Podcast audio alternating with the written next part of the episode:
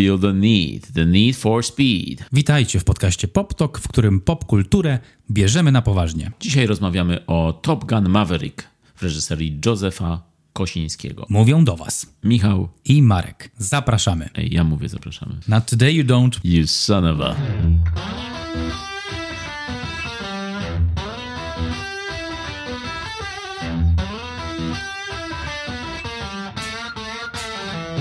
Dobra, to ty zaczynasz dzisiaj. Watching every motion in my foolish lover's game. Bam, bam. Zabierz mój oddech z daleka ode mnie, jak śpiewał Berlin, śpiewała wokalistka z zespołu Berlin. Otóż, Michale Młynarzu, słyszałeś o grze Red Dead Redemption? To było pytanie, dziwna taka modulacja, ale to... Właśnie. Słyszałem o grze Red Dead Redemption. Nie grałem, ale wiem, że jest to gra pod tytułem Red Dead Redemption, która jest grą pod takim tytułem. That's, uh, that's a very, very interesting theory. I have a simpler one. You're all not worthy. Red Dead Redemption, mój drogi, z pod studia, ze studia Rockstar Games. Spod studia? Spod studia. jak spod budki z piwem? Tak, palec pod budkę, bo za minutkę. Gram w Red Deada, o którym Michał nic nie wie. A nie no, wiem. Wiem, że jest to gra i ma tytuł Red Dead Redemption. I wiem, że to jest western. Wymień jedną postać z gry Red Dead Redemption. No to tak. Tam jest Red, tam jest Dead i obaj mają Redemption. That's so bad. No przyznaj, że jak na improwizację nie było tak źle. Tak jakbyś powiedział w oczy szeroko zamknięte, występują oczy, są szerokie i zamknięte. No i to byłoby właściwie to. Firma Rockstar Games, właściwie nie firma, ale pracownik z firmy Ro- Rockstar Games, prawdopodobnie przez przypadek e, zaspoilował e, trzecią część Red Dead Redemption. Jak to zwykle bywa w takich sytuacjach, gdy fani nie mogą się doczekać jakiejś gry, szukają informacji, szukają i miałem podobnie z The Last of Us. Też szukałem w wielu różnych miejscach informacji o tym, kiedy wyjdzie, kto to robi, jak nad tym pracuje i najwięcej informacji okazuje się potwierdzonych jest na portalu LinkedIn, bo tam pracownicy tych studiów wstawiają opis swojego stanowiska, co aktualnie robią, nad czym pracują, no jako taka część swojego portfolio. I jeden z pracowników Rockstar wspomniał przy swoim opisie stanowiska, że pracuje nad sztuczną inteligencją, nad rozgrywką em, i napisał tytuł Red Dead Redemption 3. No i internet zawrzał, ponieważ e, Rockstar Games też jest odpowiedzialne za grę GTA i ludzie czekają na GTA 6 już od wielu, wielu lat. E, Piątka wyszła w 2013, więc to już jest naprawdę sporo czasu. Twórcy Rockstar Games bardzo monetyzują GTA 5, robią różne imprezy online, w ogóle rozbudowują bardzo ten świat online i frustracja graczy już urosła do wysokich poziomów, nawet w jednym z niemieckich programów rozrywkowych, takich telewizyjnych. Fan wszedł na scenę tak zupełnie mm, niescenariuszowo i zapytał totalnie znikąd o, o to, kiedy będzie GTA 6. Jeden z prowadzących zażartował sobie, że ja jeszcze piątki nie przeszedłem, haha, hihi, ale po tym rzeczywiście internet jeszcze bardziej szalał, no kiedy będzie to GTA 6, kiedy będzie, kiedy zagramy, jaka będzie historia i szóstkę jako taką już potwierdzili, że pracują nad tym, a Red Dead Redemption przez przypadeczek był wrzucony na LinkedIn i teraz nie wiadomo, bo to nie jest potwierdzone info, to jest tylko informacja, jaką zawarł jeden z pracowników w ramach opisu swoich umiejętności. Także ziemia zadrżała. Przypomnę tylko, że Red Dead Redemption 2 była jedną z najlepiej sprzedających się gier wszechczasów. Sprzedano ponad 39 milionów egzemplarzy. Pierwsza część e, sprzedała się w wysokości 23 milionów, co sugeruje, że no, ten tytuł może jeszcze trwać. Widać, że tutaj ludzie są zainteresowani i będą czekać latami na przygody głównych bohaterów, a głównymi bohaterami w drugiej części był Arthur Morgan i Dutch van der Linde. Zwani też jako Red i Dead. Nie. Dobrze to Nie. wiem? Nie? No, chciałem zagrać, bo lubię westerny, lubię gry westernowe i ostatnią taką grą westernową, w którą grałem i którą lubiłem było Desperados. To było takie coś jak Commandos, tylko na dzikim zachodzie. Pamiętasz taką grę Commandos? Marek, Marek, Cofnąłeś się w czasie. Jesteś jak Marty McFly. Ja bardziej kojarzę trzepak na podwórku niż komandos. Trzepak też kojarzy na podwórku, ale komandos był zaraz obok. Więc, e, ale ja nie mówiłem o Commandos, tylko mówiłem o Desperados. Desperados to była bardzo fajna gra i polecam każdemu, kto ma komputer PC ze sprawnym Pentium 255. Tyle rzeczy, z których powiedziałeś, są takie stare. Jak wiesz co, mogę zacytować dzisiejszy film. Może i tak, ale nie dzisiaj. Co nie ma tutaj znaczenia w ogóle żadnego, bo nie pasuje. Także no wiem, stare, ale jare. Hmm.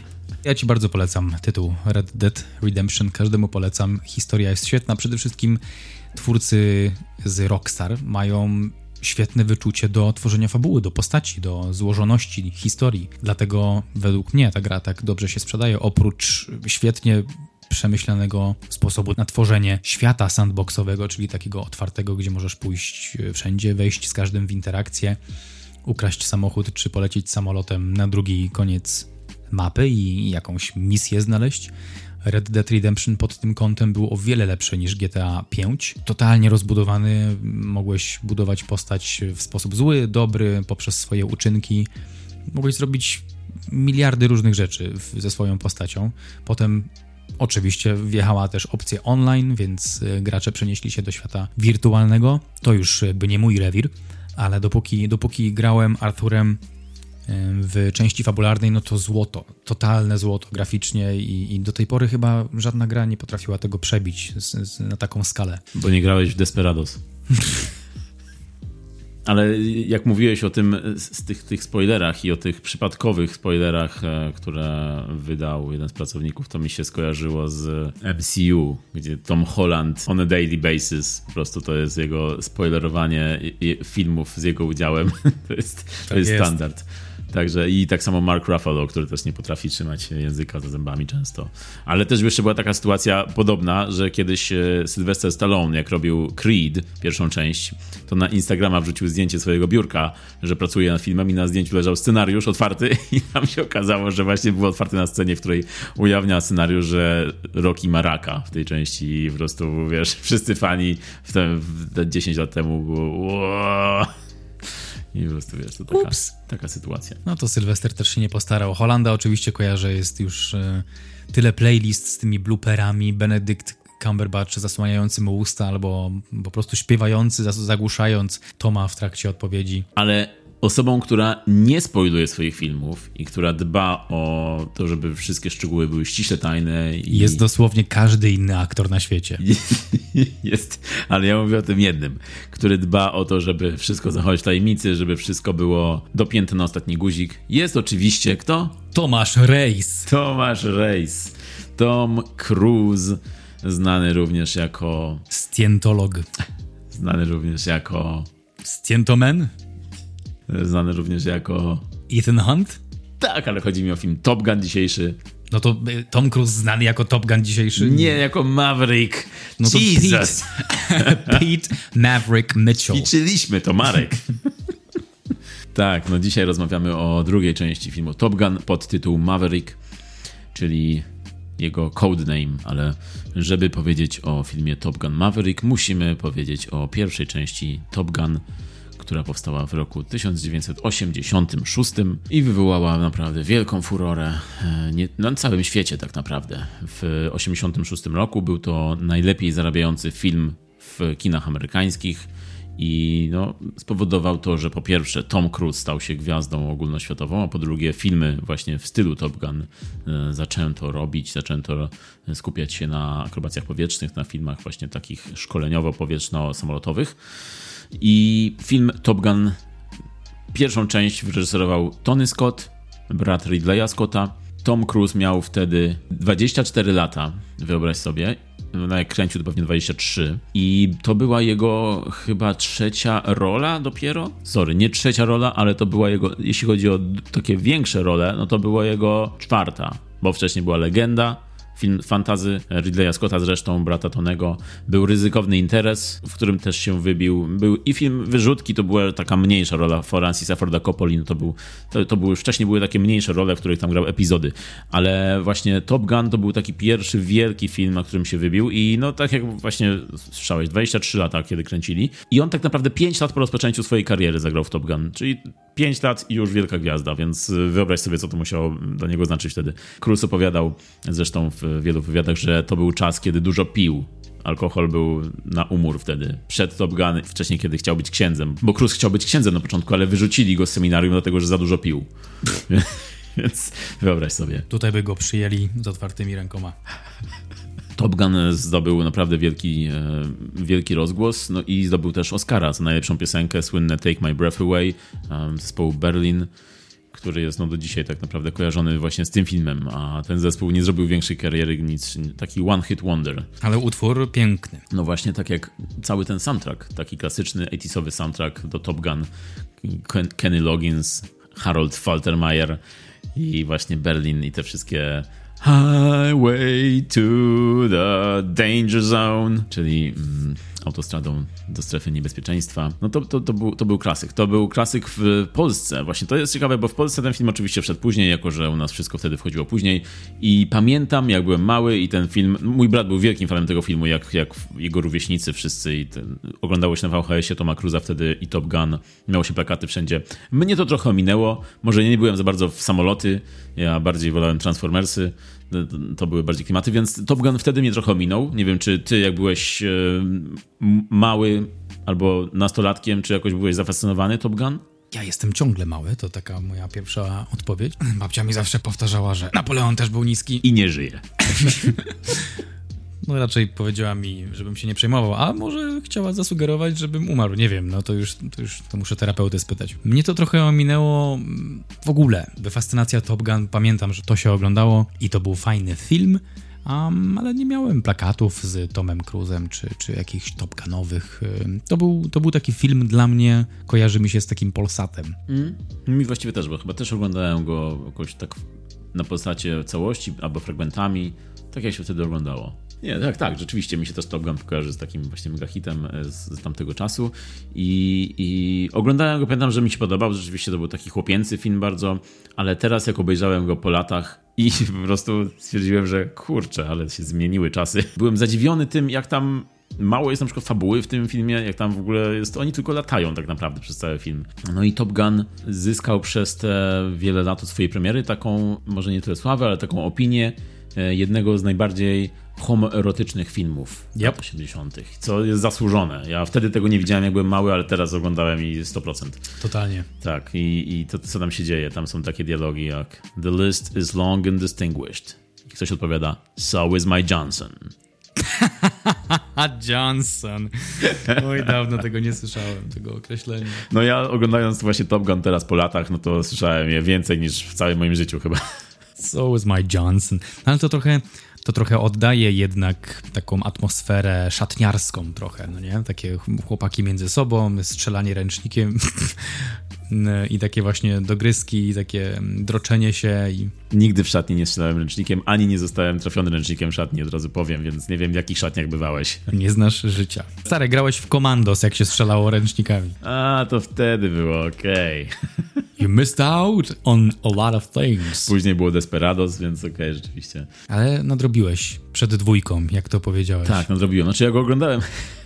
Ja go oglądałem, Top Guna oglądałem już dawno temu, tylko że nie pamiętałem go tak, nie oglądałem go tak świadomie jak na przykład teraz. To jest taki klimat szatniarski, tak jak mówisz, ale tam jest takie natężenie tego i ta kamera tak pokazuje te ich ciała spocone i te uśmiechy na twarzach i te ich spojrzenia wymieniające się, tak pokazują to, jakby naprawdę to mi się coś miała zaraz jakaś scena erotyczna rozegrać, więc to jest, ten film jest słynny z tego i nawet Quentin Tarantino w takim małej epizodycznej rolce w filmie Sleep With Me, po polsku dwoje, czyli troje, takiej jakiejś mało znanej komedii romantycznej. Tarantino miał tam swoje cameo i ta scena przeszła, przeszła do historii jako taki właśnie, jak taka słynna anegdota o Top Gun. On tam rozmawia z kimś, opowiada, dlaczego Top Gun jest filmem gejowskim. I właśnie ta scena jest świetna, więc ona jest na YouTubie, polecam. I właśnie on tam przekonuje, że, że Top Gun to jest y, najlepszy scenariusz Hollywood, bo on jest niby o samolotach, niby o pilotach, tak naprawdę jest najbardziej zawoalowana wersja historii komedii romantycznej, gejowskiej e, w Hollywood. No i, i rzeczywiście coś w tym jest. No i e, ważna sprawa tutaj jeszcze przy, przy, pierwszej części jest taka, że ten film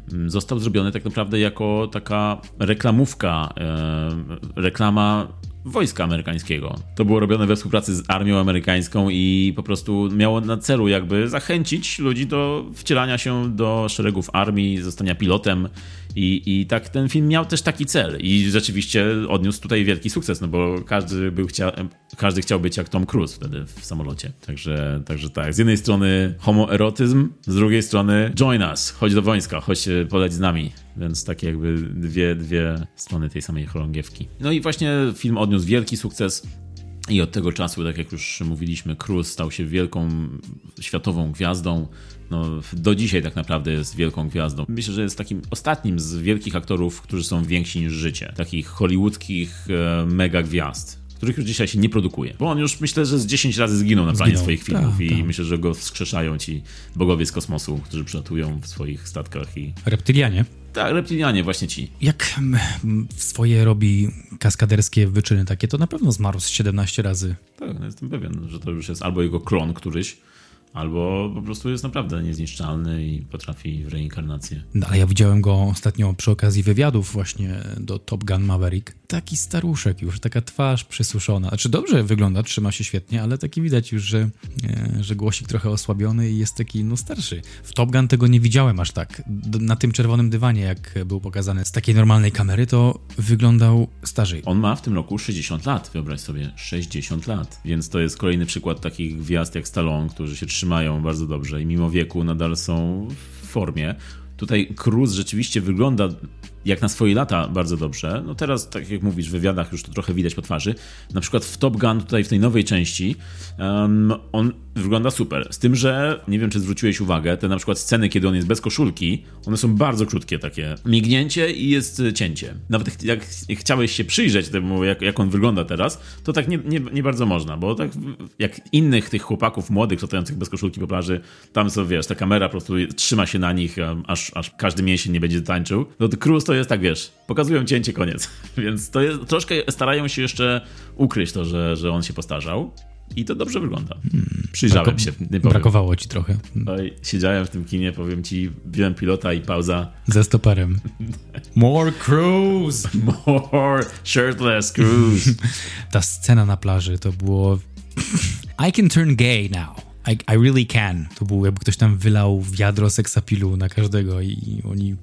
No właśnie zastanawiałem się przed seansem, dlaczego ten film jest na przykład w kinie kobiecym jako pokaz, ale już po tej scenie całkowicie zrozumiałem, okej. Okay. No i Cruz właśnie z tej, z tej wielkiej mega gwiazdy w pewnym momencie stał się takim trochę kontrowersyjnym gościem, który się usunął w cień i to było w latach 90., koniec lat 90., początek 2000, kiedy wystąpił w, u Opry między innymi, kiedy miał, miał ten taki swój dosyć głośny epizod ze Scientologią. Znaczy on cały czas jest niby w Scientologii, ale wtedy był bardzo takim głośnym adwokatem tego.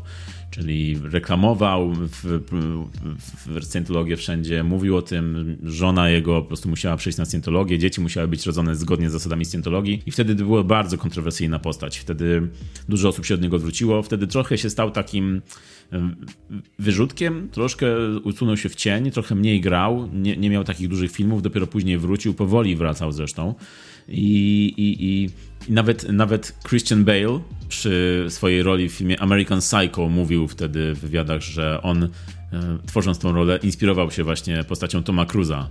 Tym, jak, jak Tom Cruise właśnie oglądał jego wywiad u Opry i patrzył na niego i to, jak on się cieszy i te jego oczy uśmiechnięte jakby wyglądają jakby nic tam w środku nie było. Tak, tak Bale opowiadał, że Cruz tak, Cruz tak wyglądał na takiego psychopatę trochę w tym, w tym momencie i że, że to jego rola wzięła się właśnie z, z osoby Toma Cruza. Jak się słucha Bale'a jak opowiada o tym, to właśnie coś w tym jest. No ale Cruz teraz trochę dojrzał, postarzał się, e, trochę zyskał doświadczenia i w kinie, i poza kinem, i teraz całkowicie inaczej, myślę, tworzy swoją, swoją postać. I, i, i prywatnie i na ekranie. Jego kariera właściwie zawsze była przemyślana, ale prywatność teraz zeszła na drugi plan. No i przechodzimy do Top Gun 2, Top Gun Maverick, nad którym prace zaczęły się aż w 2010 roku, 12 lat temu. Natomiast Jerry Bruckheimer słynny producent hollywoodzki, który razem z Donem Simpsonem zrobili pierwszą część. To był Brockheimer Simpson. Cruz powiedział, że bez nich nie robi drugiej części. No i oni weszli na pokład i zgodzili się. Tony Scott, reżyser pierwszej części, też chciał e, zrobić drugą część. Chciał zrobić takie jako, jako coś innego, coś nowoczesnego. Z tym, że tutaj też smutna sprawa, bo Tony Scott, przygotowując się do tego filmu razem z Cruzem, no, popełnił samobójstwo więc w trakcie prac przygotowawczych Cruz nawet wspomina, że w piątek byli na lokacjach, oglądać jakieś lokacje do filmu, a w niedzielę Tony Scott popełnił samobójstwo, skacząc z mostu w ogóle. Więc, e, więc to była wielka tragedia, duża sprawa i, i wtedy też prace zostały wstrzymane nad filmem, jak wiadomo. Top Gun Maverick jest zresztą dedykowany pamięci Tonego Scotta. No i na pokład po kilku latach wszedł Józef Kosiński, tutaj polsko brzmiące nazwisko nie bez powodu, bo ma rzeczywiście polskie korzenie. Reżyser, który zaczynał e, jako twórca reklam, twórca teledysków, również jako architekt, on w ogóle jest z zawodu architektem, ale tworzył reklamy do, słynne zresztą nagradzane reklamy do gier, między innymi do Gears of War, wiele znanych reklam. To jest bardzo wizualny twórca, dlatego nic dziwnego, że jego pierwszym projektem reżyserskim był Tron 2, Tron Dziedzictwo. Film wizualnie przepiękny i robiący naprawdę wrażenie wow. Później była Niepamięć, właśnie z Tomem Cruzem, e, przy którym tak się trochę zakumplowali i później przypomniał sobie Cruz o nim, kiedy właśnie pracowali nad Top Gun. Wraz z Josephem pojawił się Christopher McQuarrie, który zrobił, no w kurczę, no bardzo dużo fajnych filmów. Mission Impossible dużo części napisał Fallout, Ghost Protocol, Rogue Nation i Dead Reckoning, który ma wyjść w przyszłym roku. Mm, Jack Reacher jednym strzałem, Mumia na skraju jutra, Podejrzani, czyli Usual Suspects czy Valkyria. Tutaj bardzo dużo współpracował z Cruzem Christopher McQuarrie i do tej pory te filmy, filmy właściwie akcji bardzo fajnie wychodziły. Oprócz e, Christophera jest też Eric Warren Singer, scenarzysta American Hustle czy Splinter Cell który ma wyjść w przyszłości, Splinter Cell, to opowieść w ogóle wzięta z gry o Samie Fisherze, a tak oryginalnie wzięta z powieści Toma Clancy'ego, czyli pisarza takich powieści kryminalnych. No to jest film, który ma wyjść w przyszłości, ale znowu film akcji. No i Eren Kruger, Transformers, Krąg 1, Krąg 2, Nieustraszeni Bracia Grimm. Taka ekipa scenariopisarska była e, na pokładzie, także mocny skład. Tak, ten scenariusz powstał jakieś lata temu i później Cruz ściągnął właśnie Christophera McQuarrie, swojego współpracownika przy misjach niemożliwych do takiego podrasowania scenariusza. I Macquarie jest bardzo dobry w tym. Rzeczywiście. Te widowiska akcji wychodzą mu bardzo dobrze i na etapie scenariusza i reżysersko, także on tam trochę podrasował, trochę dodał od siebie już na końcowym etapie i, i, i trochę wspomógł właśnie twórców, ale tutaj widać, że to jest ten film przede wszystkim Cruza i Kosińskiego, no to jest widać... E, bo, bo jeśli chodzi o filmy, w których Cruz gra, no to wiadomo, że on trzyma jednak rękę na tym, co się dzieje na planie. On jest takim jakby drugim reżyserem. On jest gościem od akcji, on jest gościem kaskaderem, on jest gościem, który robi sam wszystkie swoje stanty. On trzyma pieczę nad e, takimi szczegółami każdymi produkcji. Była też taka głośna sytuacja z Tomem Cruzem, jak krzyczał na ludzi na planie, no nie? Za brak maseczek, za brak, za nieprzestrzeganie zasad. I był taki backlash trochę na niego. Ja tego nie rozumiałem, no bo w sumie on wie bardzo dużo o produkcjach i, i zwłaszcza w początkowych etapach pandemii, e, ludzie byli bardzo spanikowani i e, za bardzo nie wiedzieli, jak się zachowywać. I Tom Cruise tutaj wychodził z takiego założenia, według mnie, że na wszystko trzeba uważać, żeby zaraz im tej produkcji nie zamknęli po prostu. Więc trochę pamiętam, że go tam oczerniali, czy tak krzyczy na ludzi na planie, no ale to jest praca na planie ogólnie. Praca na planie nierzadko wygląda tak, że są to 12-14 godzinne dni pracy, wszystko musi być dopięte, a zwłaszcza w takim napiętym okresie jak pandemia, wszystko musiało być tip-top, żeby nie mieli do czego się przyczepić, żeby zamknąć tę produkcję. Tak, to było na planie nowego Mission Impossible, którego jeszcze nie ma w kinach i, i nie dziwię też się mu z jednej strony, bo, bo to był naprawdę gorący okres, produkcje były, padały ze względu właśnie na COVID, na to, że nie przestrzegali protokołów, więc on chciał, żeby ten jego film doszedł do końca. Ghost Protocol? Ah, you got it. No ale właśnie to, jaki Tom Cruise się stał, e, to jak to pokazuje, jaki on jest, jaki to jest mm, dla niego ważne, to, to żeby ten film powstał. On się bardzo zmienił w swojej karierze, bo kiedyś właśnie jaki był taki, był takim młodym gwiazdorem, trochę szczeniakiem, który korzystał ze swojej sławy, taki typowy gwiazdor hollywoodzki i z tego stał się przez lata, aż do dzisiaj takim, stał się takim odpowiedzialnym producentem, aktorem, który zwraca uwagę na każdy szczegół, żeby był dopięty, tak jakby to było jego własne dziecko, jakby film to było jego własne dziecko. I on też często teraz powtarza, że kino to jest jego pasja, że kręcenie kina starą metodą, oldschoolowo, to jest dla niego bardzo ważna rzecz, ponieważ tego dzisiaj już się nie robi i on jest takim ostatnim dinozaurem jakby tego starego kina, co też tu widać w Top Gunie. On przede wszystkim jest zwolennikiem praktycznego kręcenia filmów, tak jak Mission Impossible, tak jak właśnie Top Gun. On jest przeciwko efektom specjalnym, on mówi, że wszystko trzeba zrobić tak jak widać na ekranie, żeby widz poczuł się jak w filmie, to to musi się naprawdę wydarzyć, co jest często brane do ekstremum przy jego filmach, no bo właśnie to, że on robi wszystkie te stanty sam, to jest super imponujące, ale wiadomo, że też e, się to ogląda bardziej na krawędzi fotela, a też jeśli się o tym słyszy jeszcze, że on to wszystko robił i się ogląda te behind the scenes, nawet oglądając kulisy produkcji, to już patrzysz jak na film, jak to co on wyprawia, tak jak na przykład skakał w Mission Impossible Fallout, skakał z samolotu, tym Halo Jump, to było naprawdę wow. No i tu jest właśnie nie inaczej w tym Top Gun najnowszym technicznie. Ten film to jest jakiś next gen. To, co tam robi operator z kamerą, nagrywa tych aktorów w takich zupełnie unikatowych sytuacjach, jakich do tej pory za dużo nie widzieliśmy. Tam jest przede wszystkim technicznie bardzo ciężko było zrealizować ten film, no bo tam jest mnóstwo akrobacji lotniczych. Ekipa filmowa musiała się bardzo napocić, żeby dostać wszelkie pozwolenia, żeby kręcić na tych terenach, na których kręcili, żeby tymi samolotami latali w taki sposób, w jaki latali. To wszystko wymagało zgód od wojska e, amerykańskiego. Mm, wszystko musiało być by the book. Wszystkie ustawienia kamery musiały być przywracane do poprzedniego stanu, jeśli jakaś scena nie wyszła aktorzy mdleli w trakcie akrobacji lotniczych, musieli, musieli mieć jakąś wytrzymałość na kręcenie w powietrzu. Nie dość, że musieli ogarniać swój stres związany z rolą, no to jeszcze stres związany z bardzo niekomfortową sytuacją, do której człowiek nie jest przyzwyczajony na co dzień, na przykład do takich sytuacji jak znoszenie obciążenia 10G grawitacji. To jest coś szalonego i oni to zrobili. They pulled it off. Także tutaj technicznie wow. No właśnie, a sam Cruz dopinowywał tego, żeby aktorzy byli w formie do tego wszystkiego, bo zaaranżował trening, który trwał 3 miesiące dla wszystkich aktorów, którzy latają samolotami w filmie tak żeby ci aktorzy byli obeznani z tym, co robią, żeby widać było, że oni naprawdę to robią.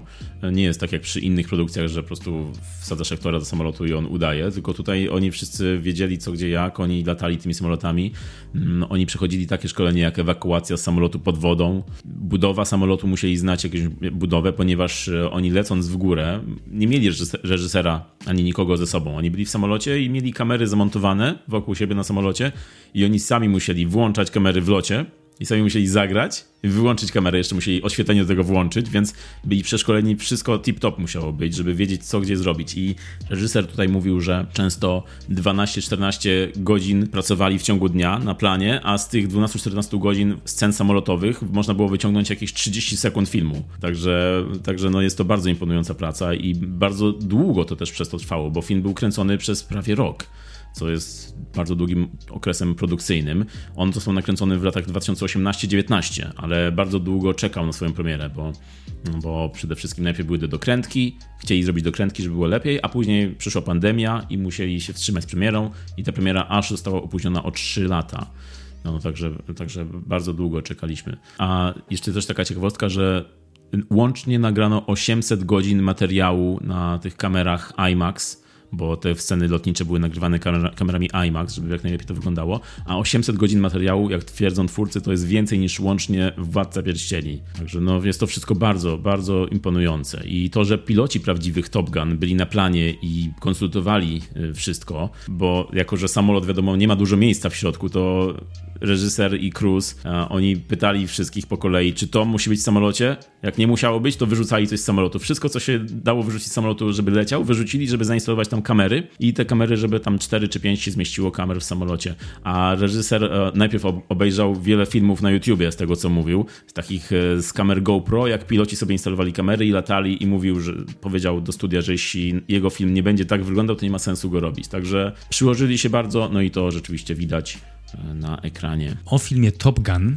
można powiedzieć, że spotykamy się z Pitem Mitchellem, Pitem Maverickiem Mitchellem, czyli postacią graną przez Toma Cruza po 30 latach w służbie amerykańskiej marynarki wojennej na tym samym stanowisku. On tam chyba komandorem jest, dalej nie poszedł, bo jak sam twierdzi, jest, we właści- jest na właściwym miejscu, tam gdzie być powinien.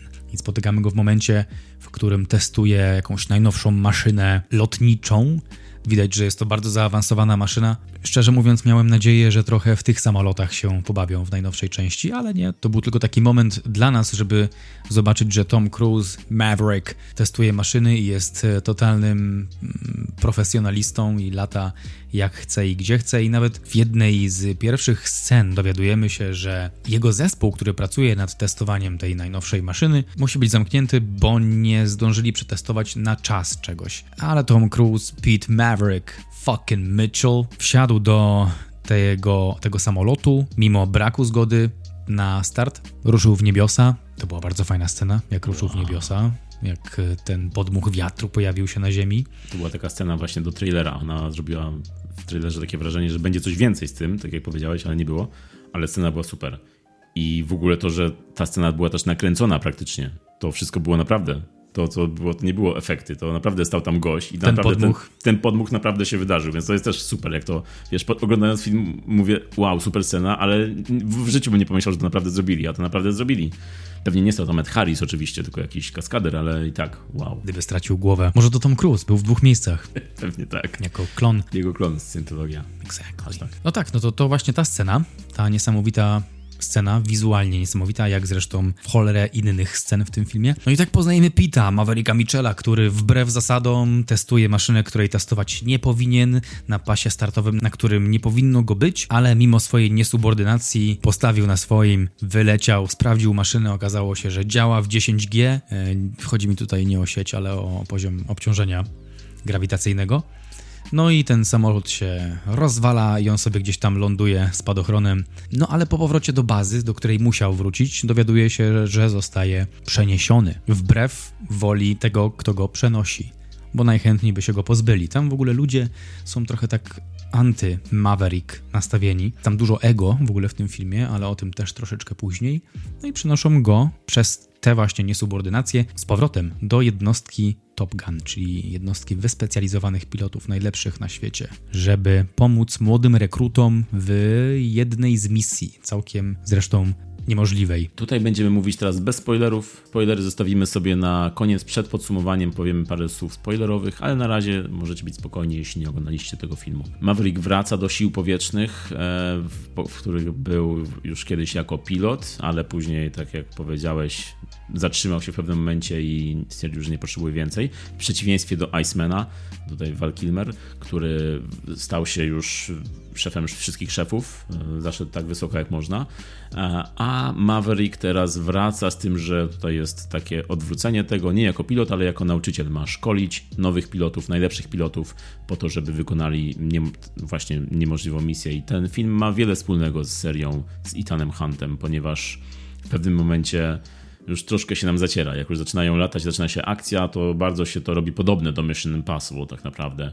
I Cruise jako, jako aktor, on wszystkie postacie kina akcji, w które się wciela, tak naprawdę są bardzo do siebie podobne. To one wszystkie można porównać do Ethana Hunta, ponieważ już tak już tak się wrył ten Ethan Hunt przy tej szóstej części i siódma, która zaraz będzie, no to że, że Maverick już też się robi pewną wersją Ethana Hunta w pewnym momencie. Z tym, że jest bardziej, bardziej, można powiedzieć, emocjonalną wersją, bo ma jakieś e, problemy, ma jakieś emocje, z którymi się mierzy. W pierwszej części, jak pewnie wiecie albo nie wiecie, ale tutaj będzie spoiler, jego partner, z którym latał, zginął przez co Maverick się obwiniał i właśnie w tej części nadal się obwinia i pojawia się tutaj postać syna Gusa. Gus to jest właśnie ten partner, który zginął i Gus ma syna, miał syna jego syn ma...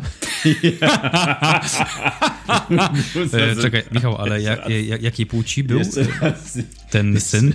Jak miał dziecko, czy, czy, czy... A jak się nazywał ten syn? Syn Gusa, pseudonim Rooster, także Czyli taki kogut tak, jest? kogut, a Gus gęś, Gęś? czyli troszkę nie w tę stronę. Trochę inny Tutaj level samczości. trochę nastąpiła mieszanka gatunków, ale w każdym razie Rooster, jego syn zostaje tutaj wezwany wśród tych pilotów, o czym Maverick się dowiaduje i to też ma wielkie znaczenie na jego decyzję. To, że on chce szkolić ich, też robi to między innymi dlatego, że widzi, że syn przyjaciela, który zginął, jest wśród e, tej, tej grupy. Scena, w której Ed Harris rozmawia z Cruzem, Ed Harris jako ten pułkownik, który go zsyła do tego Top Gun, e, jest bardzo fajnie napisana. E, To jest troszkę też e, od- od- odnośnik do pierwszej części, w której też Maverick był takim niepokornym podwładnym i mimo to, że wykonywał swoją robotę świetnie, to przez to, że był niepokorny, to wszyscy nad nim nie chcieli z nim współpracować, chcieli go uziemić. I właśnie Ed Harris jest taką postacią, która też chciałaby go zwolnić, e, który nie chciałby mieć z nim wspólnego. Christopher McQuarrie, e, scenarzysta, jeden ze scenarzystów, mówił, że napisał postać e, Eda Harrisa jako śmierć, że to jest Ed Harris ma symbolizować trochę taką śmierć, że te dialogi, które przepisał, mają symbolizować to, że Maverick, on trochę jakby walczył z czasem w tym momencie. Jego główna walka to jest walka z czasem i to, że Ed Harris tutaj chciałby go dopaść, ale nie może, to jest e, to, że Maverick jest takim zawziętym gościem, który nie daje się, nie daje się właśnie niczemu, nawet śmierci. Ale przechodząc do tego, jak druga część odnosi się do pierwszej części fabularnie, mm, bo cały początek praktycznie, ja oglądałem pierwszą część i drugą dzień po dniu i widać bardzo dużo podobieństw. Przede wszystkim to, jak się zaczyna dwójka, to jest całkowita kalka pierwszej części, łącznie z czcionką w napisach początkowych. Pierwsze to otwierające Bruckheimer, Simpson Production, Tom Cruise i nawet jeszcze ta plansza z tym tekstem, że w 69 roku została ta cała organizacja założona i że Top Gun i tak dalej. Wszystko jest dokładnie to samo jak w pierwszej części. Po czym następuje taki montaż na lotniskowcu, samoloty przylatują i są to, jest to oczywiście nowy materiał nakręcony, ale też jest bardzo wzorowany na tym, co Tony Scott zrobił w swoim, w swoim filmie. Tutaj ciekawostka jedna jest taka, że ten, ten tekst początkowy, wyjaśniający czym jest Top Gun, ma jedną tylko różnicę. To, że w oryginale było napisane, że e, najlepsi mężczyźni, piloci, a w tej nowej wersji jest zmienione na mężczyźni i kobiety, co jest takim uaktualnieniem do współczesnych czasów. Ale oprócz tego jest to tak, e, można powiedzieć kalka, ale jest to trochę takie, takie oddanie hołdu pierwszej części. I to, że ten film się zaczyna bardzo nostalgicznie, to, że Cruz się pojawia w tym hangarze naprawiający samolot i odkurza ten cały, jakby odkurza tą całą swoją nostalgię, e, pokazuje ten motor, odsłania motor, zabiera z szafki kurtkę, którą kiedyś nosił. To jest wszystko tak pokazane z taką miłością do tego oryginału.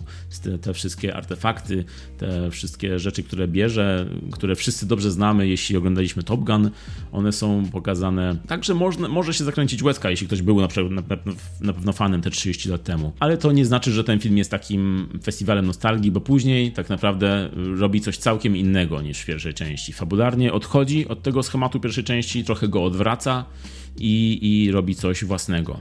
Ja się nie zgadzam. Ale ja się zgadzam. No właśnie, ja się nie zgadzam. No i kto wygrał?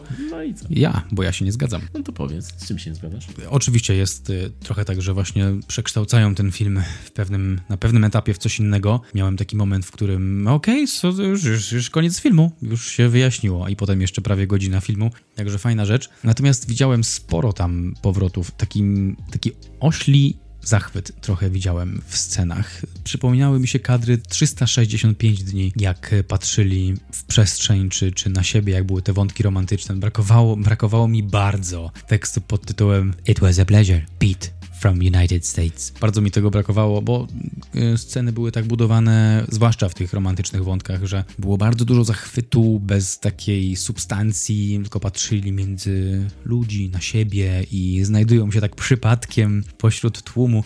I to była taka trochę, taki trochę plastik i podobne sceny pojawiały się czasem w tych wolniejszych momentach, bo ja nie mówię to ogólnie film, film mi się podobał, natomiast w tych wolniejszych momentach, których było, było ich kilka, to one były takie za długie dla mnie. Takie za bardzo widać było, że one miały być idealne i tam poleciało za dużo miodu po prostu, za dużo um, głębi ostrości, za dużo wyliczonych kadrów i takiego komiksowego grania. No ale y, zachowali się jak profesjonaliści. Można powiedzieć, że to jest taki produkt, to jest trochę taki but Nike i taki klapek Kubota. Na jednej nodze, drugi na drugiej? Tak, no i ten Nike to jest taki Top Gun, a klapek Kubota to jest takie 365 dni.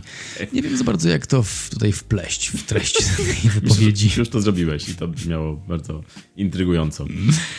To, to, tylko komentarz do tych scen, y, do, tych, do, tego, do tej nostalgii, że nie ma jej tak dużo. Według mnie jest jej trochę za dużo.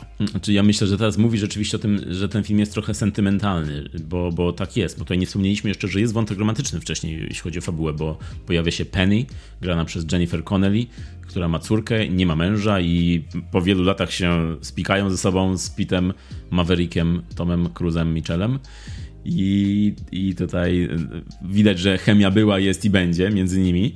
Mm, z tym, że tak jak, tak, tak jak powiedziałeś, no to jest trochę taki sentymentalizm e, scenariusza, który, który widać, tak? Który, to, to jest wszystko bardzo oczywiste. Od, od momentu, kiedy oni się spotykają, wszystko wiemy, co będzie, wiemy, co będzie dalej, jak się to skończy.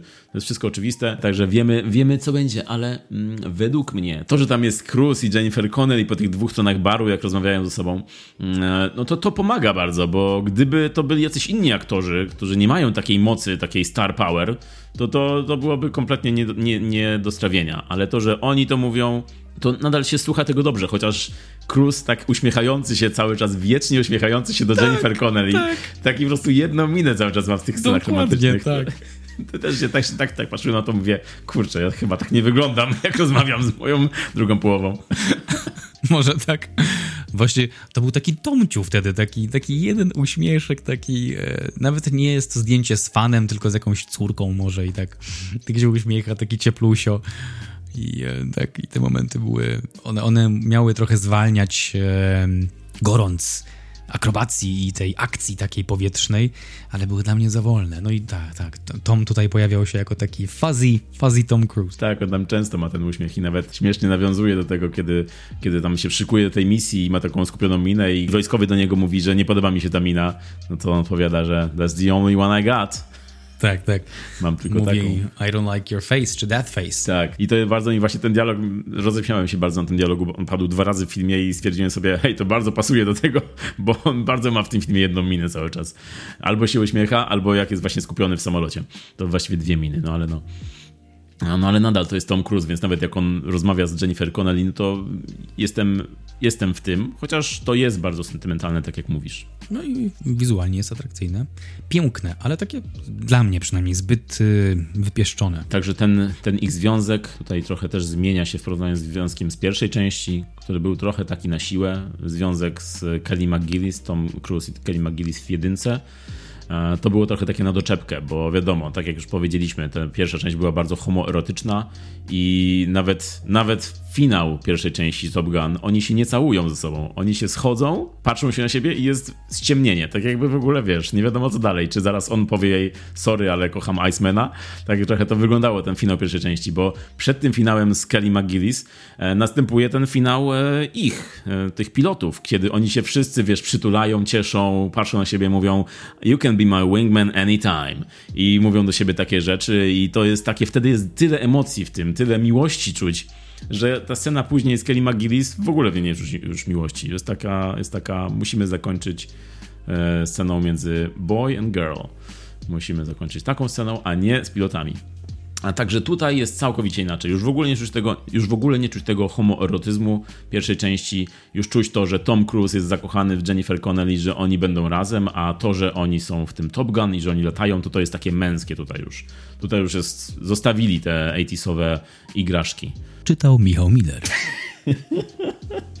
Odnośnie aktorstwa, to tam e, za dużo w tym obszarze się nie działo tak naprawdę. To były takie, już chyba tego słowa wcześniej użyłem, takie komiksowe, wykalkulowane granie i określona ilość sekund masz patrzeć w kamerę, potem spojrzeć się z refleksją w przestrzeń i ma to wtedy wybrzmieć to miało taki charakter bardzo, bardzo plastikowy, że niby widzieliśmy, że oni coś przeżywają, ale odgrywali to jak profesjonaliści, tam nie było takich emocji na tej twarzy, że oni rzeczywiście coś czują. Oni po prostu pokazywali, a teraz czuję tęsknotę ziomeczki, widzicie? I zarówno Tom Cruise, jak i Jennifer Connelly, y, czy, czy Ed Harris bardzo jednowymiarowo tam było. Tak jakby jestem Tom Cruise, jestem Pete Maverick Mitchell i noszę jakąś traumę w sobie. Akurat postać Pita no, troszkę się różni między pierwszą częścią a drugą. Tutaj, tak jak powiedziałeś, on tam więcej przeżywa. Natomiast przeżywanie to w moim odczuciu było takie zbyt y, profesjonalne. Tutaj więcej widziałem już od y, Vala Kilmera, który de facto nie może mówić ze względu na raka gardła, ale poprzez sztuczną inteligencję wygenerowali jego głos. Co jest bardzo takim eleganckim ruchem ze strony twórców, bo Val Kilmer rzeczywiście w prawdziwym życiu ma raka gardła i, i walczył od wielu lat już z tym rakiem i teraz y, mówi właśnie dzięki sztucznej inteligencji.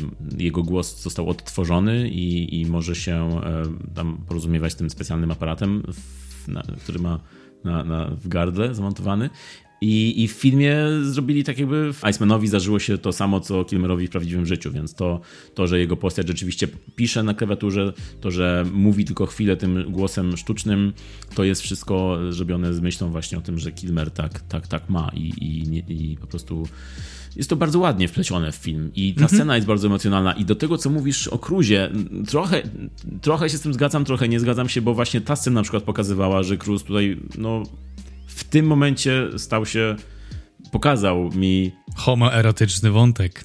Tak jest. Tak Tutaj jest. naprawdę pokazał. Na to czekałem, nie.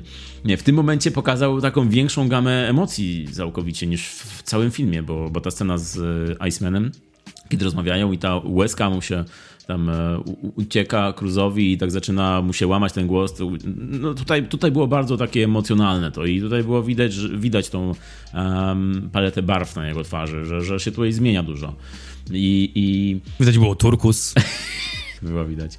Um, także Kilmer też bardzo się ucieszyłem, jak zobaczyłem go na ekranie, tym bardziej właśnie po tych przejściach jego ostatnich, a że ich razem można było zobaczyć po tylu latach, no super. Tutaj Cruz powtarza, że on bardzo zabiegał o to, żeby Kilmer się pojawił w filmie, że on bardzo chciał, żeby, żeby, żeby był. Bardzo fajny akcent. Cruz czasami jedzie na tej jednej minie, ale tak naprawdę ta jego star power i to, że jest taki większy niż życie, sprawia, że nie musi więcej. On tak naprawdę to, że on jest, to, że on jest takim Cruzem właśnie w filmie każdym, w którym występuje, to, że te, te, te jest takim kaskaderem, który sam wszystko robi, to wszystko sprawia, że nie musi. Nie musi więcej pokazywać, nie musi jakiejś ekspresji, tutaj nie musi na o Oscara walczyć, ale i tak się go super ogląda. I tak to, jak on lata w tych samolotach i, i to, jak jest tym Maverickiem, to jego mi się super oglądało na przykład.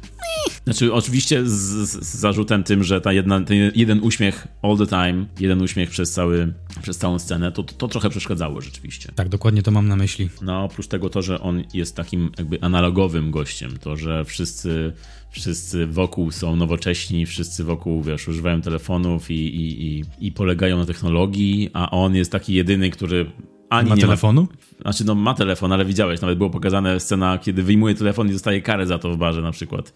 Także on jest taki, on jest taki nie dzisiejszy ogólnie w tym filmie.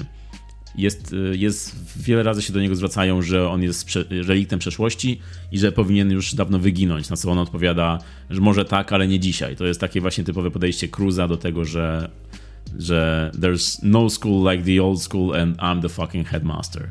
Takie, takie typowe właśnie cruzowe podejście. Ale jeszcze w obsadzie jest też na przykład Miles Teller, który gra Roostera, syna Gusa i jak wszedł w kadr, jak go zobaczyłem, to stwierdziłem, że wygląda naprawdę bardzo podobnie do Gusa z pierwszej części i idealnie go zrobili. Ten, ten, ten wąs, te okulary, tak. super, super pasuje na syna. I ta scena właśnie, jak zaczął grać na, na pianinie e, Great Balls of Fire od, z pierwszego filmu, to, to było takie sentymentalne, wiadome, ale jednak wywołuje jakieś emocje. I na pewno, jeśli jesteś fanem Top Gun, to w tym momencie na pewno to musiało być, to musiała łezka komuś polecieć, nawet takim twardzielom z szatni musiała tam jakaś łezka się uronić w tym momencie. Miles Teller mi się bardzo podobał w tym filmie i to, że nie był takim drugim Maverickiem, jak to zazwyczaj w sequelach bywa, że to jest taki jakby stary Maverick i nowy Maverick muszą się zetrzeć. Nie, to było bardziej na zasadzie ojciec i syn, relacja taka ojcowska była tutaj typowo. Mm, no i był jeszcze Glenn Powell z bardzo fajną rolą. On był takim jakby nowym Maverickiem, niepokornym, który mówi, że jest najlepszy i chce być najlepszy, z tym, że Maverick go tutaj uczy trochę go stawia do pionu w finale. Takiej pokory go uczy. No ale okazuje się, że jest najlepszy. Są sceny, kiedy pokazuje, że jest najlepszy. Ale Tom Cruise jest tutaj tym elementem temperującym, nadającym pokory. Glenn Powell, od razu jak go widziałem jako, jako hangmana, to go znielubiłem. Bardzo dużo ego, jak na jedynego człowieka. Jesus, boy. No ale też y, za ego idą umiejętności tutaj. Tak jak w pierwszym filmie właśnie. I Iceman i Maverick mają wielkie ego, ale ale też mają umiejętności, tak jak było powiedziane, że twoje ego wystawia czeki, których twoje ciało nie może zrealizować. To jest kolejny homoerotyczny. dokładnie. To jest dokładnie tak. To, jest, to są właśnie wszystkie te podteksty, które teraz dopiero widać po latach. Z ciekawostek odnośnie Glena Powella, czyli Hangmana, do roli syna Gusa kandydował Nicholas Holt, znany z filmu Bestia znany z X-Menów, grał tam bestię, takiego niebieskiego stworka. No i właśnie Glenn Powell, czyli aktor, który ostatecznie wylądował w roli Hangmana, czyli tego gościa z bardzo dużą ilością ego. Czyli on miał zagrać e, Roostera, syna. Yeah! I jak byś go widział wtedy? Synagusa. Synagusa. Synagus. To jest e, potomek Gilgamesza. I'm Synagus. My name is Synagus. I have the power of Goose. No i też wypowiadał się Glenn Powell, że jak latali samolotami, no to nie mieli, ciężko było im zapamiętać kwestie, które mieli na pamięć wykute, no bo to były takie właśnie ekstremalne warunki. 10G podlatują do góry, gniecie ich grawitacja. Podobno miał na kolanie kwestie swoje i po prostu patrzył w dół i czytał.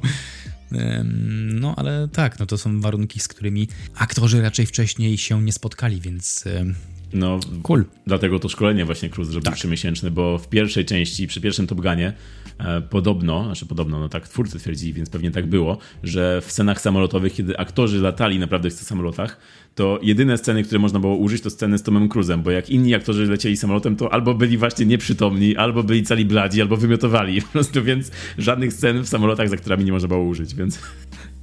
Jak ten gościu, co się chciał oświadczyć w samolocie i jak tylko wyciąga pierścionek, to... Tam dziewczyna, baby, baby, you're okay? Nie wytrzymał. Także no, także Za duża presja. Jemu też by się przydał taki Tom Cruise ze szkoleniem trzymiesięcznym. Tak. Odnośnie scen właśnie, scen, które były wymagające, jaka jest twoja ulubiona scena? Masz taką? Tutaj ostrzeżenie, że być może wejdziemy w spoilery, więc jeśli nie chcecie słuchać, jakie były nasze ulubione sceny, to pomińcie ten fragment. No wydaje mi się, że ten cały finał, mm, finał właśnie, który się rozgrywa w samolotach, kiedy już jest ta cała misja, którą Maverick musi, której Maverick musi przewodzić. On się okazuje już nie tylko nauczycielem, ale liderem, ponieważ jest do tego stworzony i on musi ratować i on musi przewodzić. Także mm, ta scena, ten cały długi finał, który jest normalnie żywcem z Mission Impossible, no, no super się oglądało. Tak, tak naprawdę na krawędzi fotela widać to mm, skalę przedsięwzięcia. I mimo, że a może nawet dzięki temu, że ta misja nie znamy szczegółów tej misji. Ani lokacja nie jest nazwana, ani wróg tutaj nie jest nazwany nigdy. Oni, oni lecą wykonać misję, lecą e, uratować świat, ale tak naprawdę nie wiemy, z kim oni walczą przez, przez cały film.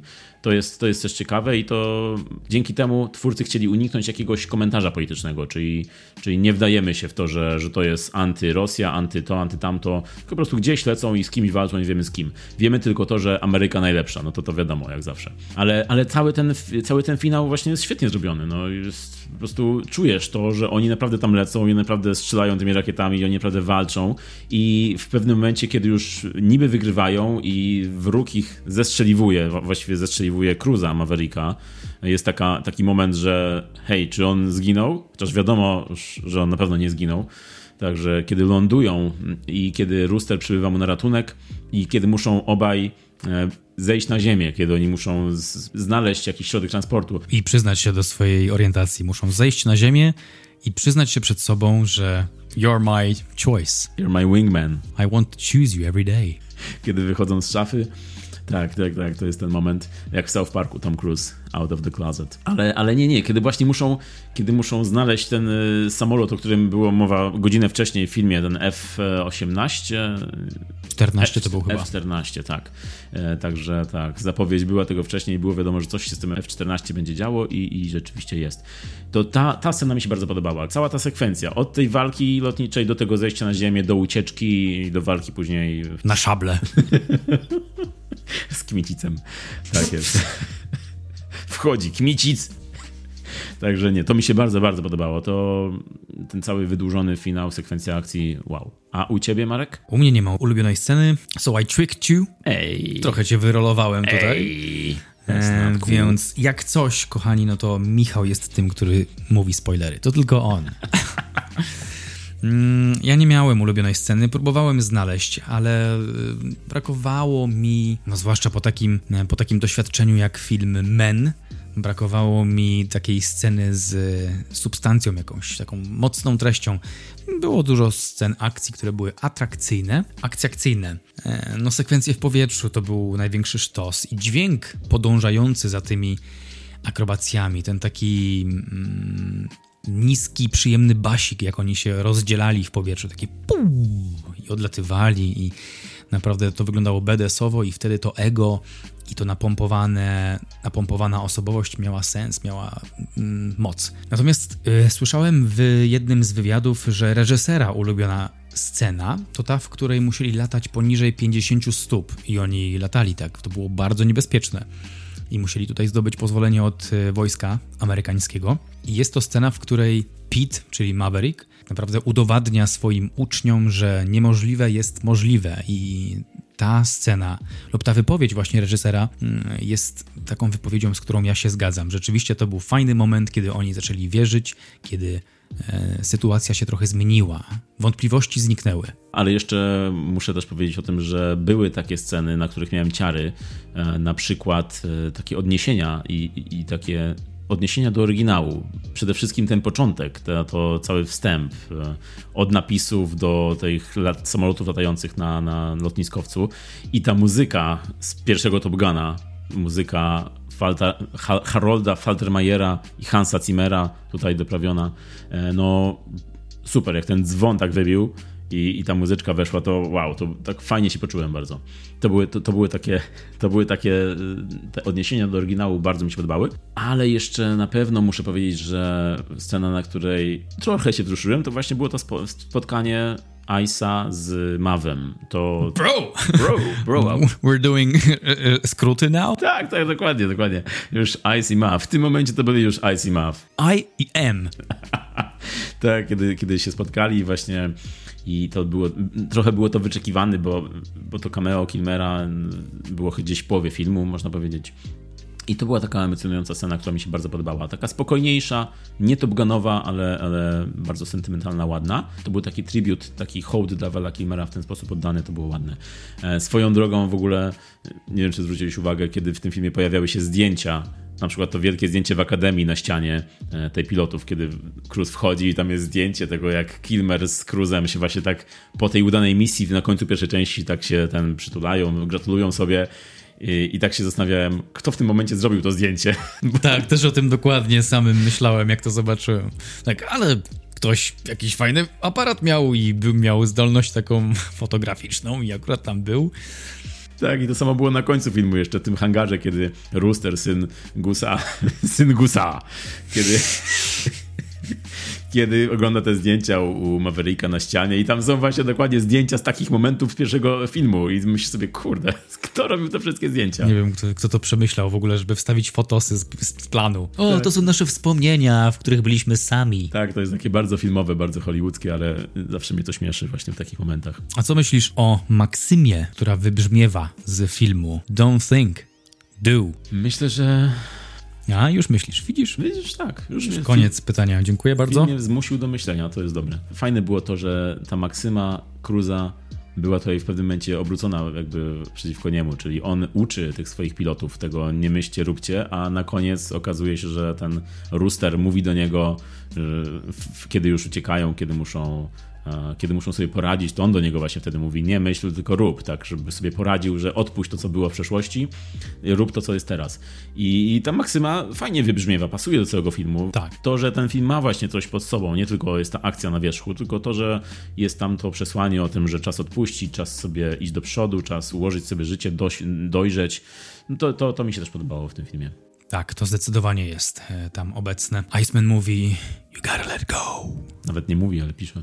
No, tam też mówi. Sztuczna inteligencja działa. Don't think, do. Ciekawe, nie? Jakby już, już e, jestem kiepski w, w wprowadzaniu tych słów w życie, bo zaczynam myśleć nad tym, czy rzeczywiście don't think, do, czy jednak think and sometimes do. Think, but, you know, be careful before doing. To chyba, to chyba byłby mój tekst, jak ja bym robił to, Top Guna. Think a lot and think before doing. Ta scena, kiedy Maverick wchodzi do, do pilotów i mówi wyrzućcie podręcznik do kosza, taki Robin Williams style Stowarzyszenie Umarłych Poetów, to ty byś był tam odwrotnie. Byłoby wyjmijcie podręczniki i... Z kosza? tak, wyjmijcie z kosza, przeczyście je dokładnie. tak jest. Tak by było. Dokupcie do tego drugi podręcznik oraz ćwiczenia. tak by było, jakbym był instruktorem w tym w Top Gun, to lekcje by trwały trzy godziny i jeszcze bym zrobił sesję brainstormingową po, jakąś godzinkę na, na gadanie o rzeczach, które nigdy się nie wydarzą, ale... I później jeszcze byś z domu ich męczył telefonicznie. Pamiętaj, nie rób, tylko myśl. O! Nie leć tam. To jest właśnie to. Nie lećcie tam, bo możecie zginąć. Don't, don't do, think. To jest ta maksyma, tak. I wychodzimy ze strefy spoilerów. Wchodzimy w... Strefę niebezpieczeństwa. Tak, chciałem powiedzieć e, podsumowanko. Dobra, zrobię to dla ciebie. Podsumowanko. Maverick to film, który trzeba zobaczyć w kinie. Koniecznie, trzeba go doświadczyć w kinie. Nie jest to film na telewizor kineskopowy, nawet jeśli takie jeszcze robią. Jest to taki koncert, a na koncert trzeba pójść z innymi, trzeba oglądać go z innymi, trzeba wiwatować i krzyczeć to, co ci przychodzi do głowy, na przykład Take My Breath Away. Takim biciem serca tego filmu to jest obraz i dźwięk. That's it. Fabuła nie jest jakaś rewelacyjna, ale ten film jest pięknie zrobiony, jest ładny. Jest dużo atrakcyjnych scen, okrutnie przemyślanych do najmniejszego szczegółu, wyćwiczonych, wypieszczonych. Tutaj perfekcjonizm Cruza wychodzi bardzo na powierzchnię i szczypie w oczy. Muzyka jest świetna, po, podbija, podbija odczuwanie filmu, czego tak właściwie aż często nie czułem. Nie, nie odczuwałem tego filmu tak dużo. Ja tutaj nie mam takiego powiązania sentymentalnego. Ja pamiętam Top Gun 1 jako taki film raczej w kategoriach yeah, it was the 80s. Tam się działo wszystko i taka była wolność w robieniu tego filmu. Nie o zbyt wiele rzeczy tam chodziło. Tutaj według mnie jest podobnie, mimo że mamy jakąś tam walkę Cruza i takie osadzenie w traumie i takie radzenie sobie z traumą w życiu doczesnym, to jest to takie troszeczkę płytkie. Okej, okay. może siła tego filmu to e, właśnie obraz i dźwięk. Dla mnie osobiście, tak to przynajmniej widzę. Film ten też wprowadza sporo odwagi do, do sposobu kręcenia w ogóle scen, no bo tutaj mnóstwo, mnóstwo scen jest zrobionych w powietrzu, przy bardzo niebezpiecznych akrobacjach, w warunkach zupełnie nowych dla aktorów, dla aktorów w ogóle, no i dla tych aktorów, którzy tam grali. Także chociażby dlatego, dla tych scen ak akrobacji tych powietrznych, dla, dlatego że się poświęcili de facto w taki dosyć wyraźny sposób. To był bardzo ryzykowny projekt z kilku przyczyn. No ale wyszło im świetnie, wyszło im perfekcyjnie i wydaje mi się, że to jest taka wizytówka Toma Cruza, czasem krzyczącego na planie, żeby stosowali się do zasad, bo to musi być tip-top. I to było tip-top, panie Tomku. To było takie tip-top, że nie wiem, czy pójdę na to jeszcze raz. Może jeszcze raz, bo to jest widowisko. Mm, na pewno byłby to ponownie IMAX. Na pewno nie polecam oglądać tego na telewizorach, chyba że ktoś ma bardzo fajny sprzęt. Bardzo dobry film. 8 na 10. Pozdrawiam serdecznie. Twoje wypowiedzi trochę brzmiało mi bardziej na 7 na 10, ale. Bo zastanawiam się nad y, właśnie obniżeniem oceny, szczerze mówiąc. No to jeszcze pomyśl. Mamy jeszcze czas. ale tak, powiedziałeś, że Tom, Tomek tutaj. Um panuje nad szczegółami i przypomniało mi się jeszcze scena, kiedy piszą do siebie SMS-y Maverick i Iceman. Śmiałem się, że Maverick pisze SMS-y z kropką na końcu. A tego aż tak nie widziałem, bo Ma to jest, man. to jest właśnie your man. Widziałem, że pisząc SMS-y ma wszędzie kropki, interpunkcja idealnie, więc mówię, o, patrz, Tom Cruise nawet nad tym panuje. Ktoś tu jest purystą. Tak, ale mówię się o odbiorze tego filmu w kinie, a odbiorze w domu. Właśnie pierwsza część Top Gun, e, ja miałem tę przyjemność oglądać w domu i nie wywarła na mnie takiego właśnie wrażenia. I tutaj myślę, że to, że ten film oglądałem w kinie na wielkim ekranie, na IMAXie, tak jak było nakręcone, to to sprawia, że po prostu plus dwa myślę do, do oceny, bo, bo gdybym myślę pierwszego Top Guna oglądał w kinie, też bym do dzisiaj chyba go wspominał, ale no jest to widowisko taki blockbuster, jakich się już nie kręci, jakie tylko Tom Cruise i może Christopher Nolan kręcą. Tutaj a propos, chciałbym zobaczyć team-up Christophera Nolana i Toma Cruise'a. Chciałbym, żeby zrobili razem film. To byłoby taki naprawdę analogowy, wszystko praktycznym, praktycznym efektem zrobione i myślę, że byłoby to wielkie widowisko. Tom Cruise by tam zginął, taki byłby finał, bo zaproponowałby mu realizm Nolanowi. Nolan by powiedział, that's great, that's a great idea. Zróbmy jeszcze lepiej, jeszcze więcej. Tak. Tom, tak. jeszcze, możesz więcej. tak, ale ucięło mi tułów. Nie zwracaj uwagi. To bym, to bym obejrzał, bardzo chętnie bym to obejrzał, ale wracając do Top Guna. Tony Scott miał swój, swój wizualny styl, to był bardzo wizualny reżyser i Józef Kosiński na jego miejscu myślę, że jest bardzo dobrym wyborem, bo nie tylko oddał tego ducha um, pierwszej części, ale też ulepszył oryginał według mnie, bo druga część jest, co rzadko się zdarza, lepsza niż pierwsza część. E, zyskuje to, czego jedynka nie dostarczyła. No przede wszystkim ze względu na technologię, myślę. No teraz są większe możliwości. To jak się teraz kręci, no to nie ma porównania z tym, co było kiedyś. Top Gun zmienił, pierwsza część zmieniła dużo w kręceniu filmów akcji. Myślę, że druga część powinna zmienić, bo, tak powinny wyglądać filmy akcji, kino akcji mm, robione praktycznym efektem. Nie wiem, czy to się stanie, bo raczej dzisiaj Marvel i inne studia robią filmy bardziej nastawione na efekty i chwalą się bardziej tym, jak coś jest wygenerowane, niż tym, jak coś jest zrobione w realu. Jeśli chodzi o fabułę, no to fabuła drugiej części mi się bardziej podobała niż pierwszej również.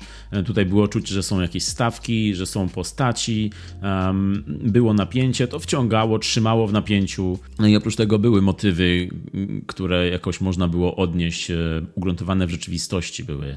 Um, były emocje, było widać, że te postaci są już bardziej doświadczone, bardziej że są bardziej doświadczone przez życie. No i wydaje mi się, że ten film to jest taki trochę hołd dla starzenia się i doświadczenia które przychodzi z wiekiem, bo Maverick tutaj odbył długą drogę od pierwszej części, widać tą dużą zmianę w nim i to, że on właśnie walczy z tym czasem i to, że on się nie poddaje, tak jak sam Tom Cruise zresztą jako, jako aktor i człowiek. On y, walczy do upadłego, on zrobi wszystko, żeby uratować kino, żeby pokazać, że może więcej, może wyżej, może lepiej. Tak samo właśnie jak Maverick, więc nie dziwię się, że chciał jednak wrócić do tej postaci, bo to jest, jest w niej myślę dużo z Cruza. Mm, bardzo się cieszę, że był taki tutaj tribute dla Icemana. Oprócz tego jest tutaj sporo też humoru, bo są też sceny, które rozładowują to napięcie, czyli tak jak na przykład Cruz po lądowaniu wchodzi do baru i wszyscy się patrzą na niego, po czym pyta, gdzie jesteśmy i chłopiec mały odpowiada mu na ziemi.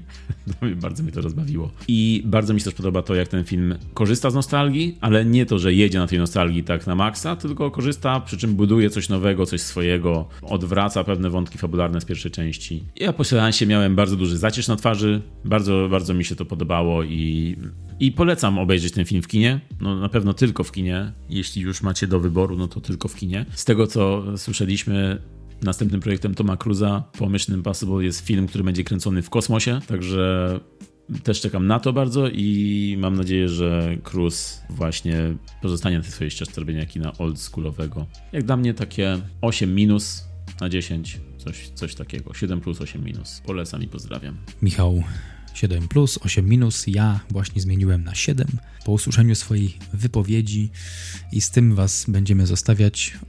Obaj polecamy, żeby obejrzeć ten film w kinie, jak najbardziej. Najlepiej IMAX, najlepiej w centralnej części sali, tak żeby ekran wypełniał całe pole widzenia. Na pewno będziecie bawić się świetnie, a na dzisiaj to tyle z naszej strony.